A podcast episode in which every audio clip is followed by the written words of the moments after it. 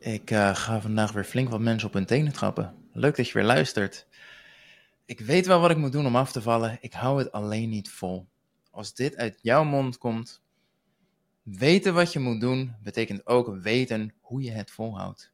Zolang volhouden dus een probleem is, kom je kennis tekort en is deze aflevering voor jou. Je hebt de kennis niet om te weten wat je moet weten. Misschien sta je nog helemaal aan het begin van je proces of ergens halverwege, dat maakt niet uit. Als we het voorbeeld pakken van voeding bijhouden. De meeste mensen die, wanneer ze, zeker wanneer ze niet bezig zijn met afvallen, zeker wanneer ze nog niet geslaagd zijn, houden hun voeding er niet bij, hebben het vaak ook nog nooit echt serieus opgepakt. En hè, wat dat betreft dus niet zo heel veel idee van wat ze in hun mond steken. Ja, ik snap wel dat een appel gezond is en een zak chips niet. En ergens mag ik ook dingen niet als gezond en ongezond bestempelen. Dus ik zit eigenlijk daar al mee in de knoop. Um, maar hoeveel calorieën zitten hierin? Hoeveel calorieën zitten hierin? Hoeveel zou ik op een dag binnen moeten krijgen? Geen idee. Vervolgens, iemand maakt de stap, oké, ik ga het wel bijhouden. Ik doe die kennis wel op. Ik snap ineens, hey, die, die, dat handje, handje noten wat door mijn ontbijt ging. Oeps, dat is 300 calorieën. Terwijl mijn ontbijt maar 400 calorieën had moeten zijn volgens mijn planning. Was niet heel handig. Die, die M&M's met pinda's erin. Oef, ik geloof dat het 600 calorieën per 100 gram is. Zo'n zak even in de bios naar binnen tikken tikt hard aan. En meer van dat soort grapjes.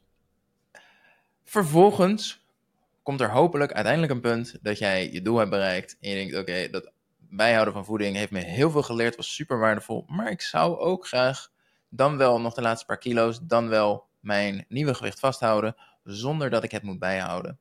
En dan wordt de stap, met name de, de kennis die ik nodig heb, hoe kan ik gezond blijven eten zonder dat ik het moet invoeren? Maar stel dat ik van niet trekken, niet mijn voeding bijhouden, naar gezond eten zonder trekken wil gaan.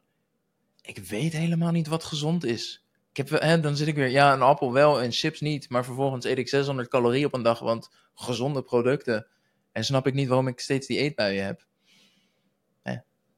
overdag veel te weinig, s'avonds snijden en de schuld geven aan discipline en wilskracht. Want ik weet niet beter waar het wel aan zou liggen. Je hebt kennis en vaardigheden nodig om te kunnen zien welke kennis en vaardigheden je nog tekort komt voor het volgende niveau. Ik kan als nieuweling in de sportschool geen 100 kilo squatten. Ik moet eerst weten wat een squat is, hoe ik die stang in mijn nek leg, veilig uit het rektil, de juiste techniek beheersen en dan kan ik het gewicht opbouwen. Maar hoe bouw je dat verstandig op? Hoe voorkom je blessures? Moet ik mijn eten ook aanpassen op dit doel? Hoe vaak moet ik trainen? Al deze vragen zijn irrelevant als ik niet eens de techniek beheers om te squatten. Terwijl het zijn deze vragen waar de meeste mensen zich mee bezighouden. Ik snap nog niet hoe ik een squat uitvoer, maar hoe vaak moet ik eigenlijk sporten? Als je dat nog niet hebt gedaan, abonneer je op de Gezonde Fitcast.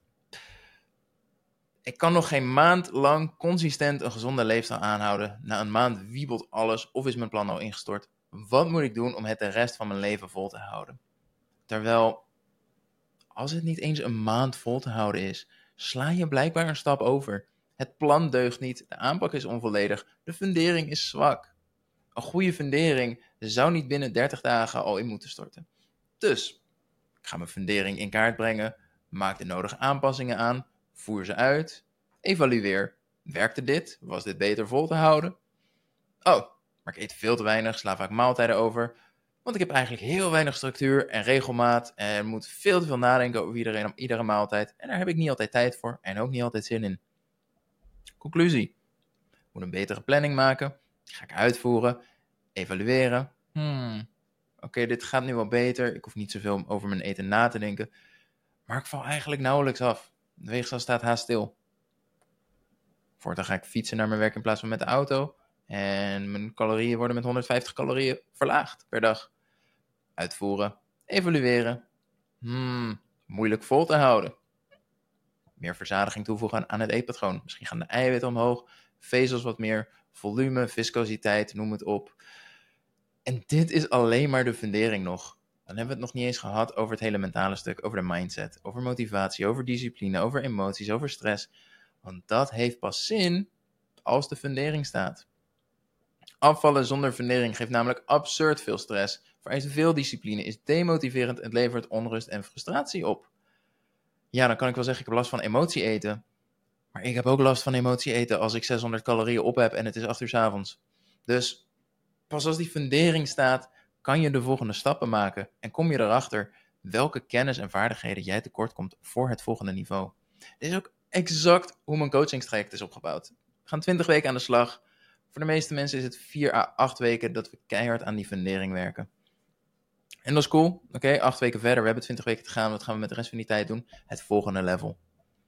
De mindset, het mentale stuk voor levenslang succes. In plaats van, er staat nu een mooie fundering. Maar wat als die stress toeslaat? Wat als mijn emoties door het plafond schieten?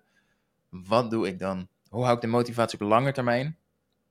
Iets waar veel mensen natuurlijk tegenaan lopen is: oké, ik begin met afvallen, want ik kom energietekort. Ik beweeg niet lekker, kleding zit niet mooi. Als ik eenmaal 10 kilo kwijt ben, dan vallen al die dingen wel mee. En is het eigenlijk wel oké op dat gebied, terwijl mijn doel 30 kilo afvallen was. Wat motiveert mij nog om door te gaan?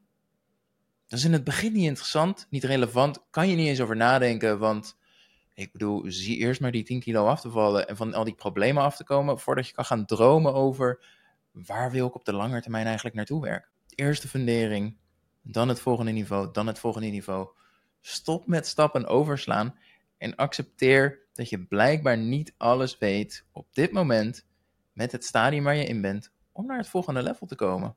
En dat is oké, maar dat helpt je wel om de juiste kennis te gaan zoeken. Als je dat nog niet hebt gedaan, laat een recensie achter op de podcast. Help nieuwe mensen om de podcast te ontdekken. Laat mij weten welke afleveringen waardevol voor je zijn. Ik wil je heel erg bedanken voor het luisteren en uh, tot de volgende aflevering weer. Oh